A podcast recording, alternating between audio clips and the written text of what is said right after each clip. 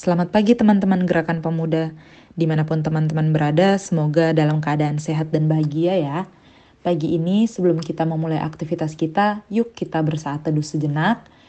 Dari pembacaan Alkitab surat Efesus 1 ayat 9 sampai 12. Jika kita sudah menemukannya, mari kita terlebih dahulu menyapa Tuhan di dalam doa, kita berdoa.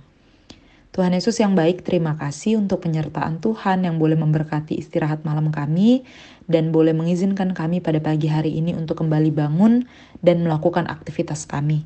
Namun sebelum memulai semuanya itu, kami mau sama-sama bersaat teduh sejenak, kiranya Tuhan yang memberkati hati dan pikiran kami agar kami boleh sama-sama membaca, mendengar dan merenungkan firman Tuhan dalam keadaan yang baik Bahkan kami boleh dimampukan untuk menjadi pelaku kebenaran firman Tuhan di dalam kehidupan kami setiap hari.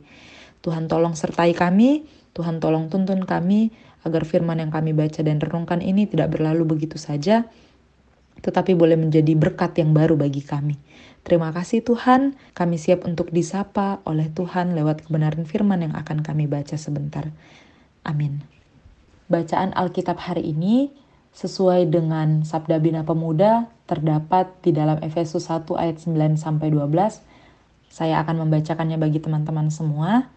Sebab ia telah menyatakan rahasia kehendaknya kepada kita sesuai dengan rencana kerelaannya, yaitu rencana kerelaan yang dari semula telah ditetapkannya di dalam Kristus sebagai persiapan kegenapan waktu untuk mempersatukan di dalam Kristus sebagai kepala segala sesuatu, baik yang di sorga maupun yang di bumi. Aku katakan di dalam Kristus, karena di dalam dialah kami mendapat bagian yang dijanjikan.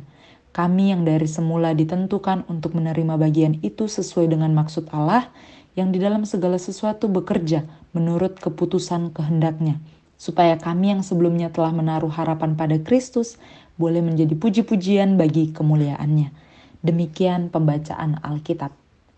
Judul renungan kita pada pagi hari ini adalah hidup kita menjadi puji-pujian bagi Allah. Rekan-rekan yang terkasih, sejak kita SD, bahkan sampai kita bekerja, kita yang berkuliah, kerja kelompok adalah hal yang biasa kita jumpai. Dinamika yang terjadi dalam mengerjakan tugas kelompok tersebut sangat beragam. Ada yang rajin, ada yang aktif, ada juga yang bermalas-malasan, bahkan sama sekali tidak memberikan kontribusi. Hal ini sering membuat hati kita kesal karena hanya sebagian yang bekerja dan yang berusaha dengan baik dan maksimal, tapi ada juga yang tidak. Nah, dari persoalan ini kerap timbul pikiran untuk menghilangkan namanya atau mencoret namanya dari laporan tugas kelompok karena kita merasa bahwa dia tidak berhak mendapatkan nilai karena tidak ada kontribusi apa-apa. Bayangkan bagaimana perasaan rekan kerja kita jika kita sebagai pihak yang tidak bertanggung jawab itu. Dalam perikop ini, Rasul Paulus mengajak jemaat Efesus untuk menyadari kebaikan Allah. Demi kesatuan antara Allah dan manusia, Tuhan menyatakan kerelaannya dengan menjadi manusia untuk penebusan dosa di dalam Kristus. Penebusan itulah yang memasukkan orang-orang yang tadinya terpisah dari Allah menjadi milik Allah. Paulus yakin bahwa di dalam Kristus manusia yang terpisah dari Allah akibat dosa akan mengalami pemulihan dan keselamatan. Bagi yang menaruh harapan pada Kristus, mereka akan mengalami berkat rohani karena hidupnya sehari-hari menjadi puji-pujian bagi kemuliaan nama Allah. Sobat muda, apa kontribusi kita sebagai anak Tuhan? Jangan sampai kita menuntut pujian dari Tuhan, padahal tidak ada karya layan yang kita lakukan sebagai respon dan tanda syukur kita atas keselamatan yang telah Tuhan berikan. Tanggung jawab pengikut Kristus hendaknya ditampakkan melalui integritas dalam menyelesaikan tugas-tugas sebagai anak, sebagai pelajar, pekerja, dan pemudi, serta pemuda milik Kristus. Yuk kita kerjakan bagian kita demi kemuliaan nama Tuhan.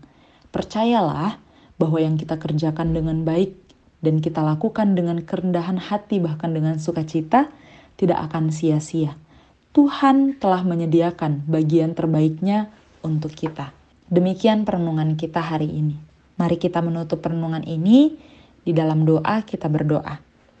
Tuhan Yesus yang baik, terima kasih untuk firman Tuhan yang menyapa kami. kami boleh dikuatkan, kami boleh mendapatkan pemikiran yang baru, kami boleh mendapatkan berkat yang baru. Biarlah kiranya Tuhan, kami anak-anakmu ini yang telah Tuhan berikan berkat, yang telah Tuhan berikan anugerah keselamatan, boleh merespon segala kebaikan Tuhan itu dengan menjadi anak-anak yang bertanggung jawab atas kehidupan kami, atas kehidupan yang telah Tuhan berikan ini. Tanggung jawab itu hendaklah kami lakukan dengan kesetiaan, dengan menjadi rekan-rekan gerakan pemuda yang takut akan Tuhan. Kami boleh melayani Tuhan, kami boleh menjadi anak-anak kebanggaan Tuhan, bahkan kami boleh menjadi berkat bagi banyak orang. Terima kasih ya Tuhan, berkati kehidupan kami yang akan kami lalui di hari ini. Berkati keluarga kami, berkati setiap orang yang kami kasihi, bahkan berkati setiap harapan-harapan yang selalu kami doakan. Biarlah kiranya Tuhan yang mendengar dan menjawab setiap doa dan harapan kami indah sesuai dengan waktu dan kehendak Tuhan. Kami siap memulai aktivitas hari ini ya Tuhan, mampukan kami, kuatkan kami, sertai kami, agar kami tidak merasa takut dan khawatir karena Tuhan ada senantiasa bersama-sama dengan kami. Terima kasih Tuhan, di dalam nama Kristus Yesus, Juru Selamat kami yang hidup, kami sudah berdoa dan bersyukur. Amin. Selamat beraktivitas rekan-rekan. Tuhan Yesus memberkati.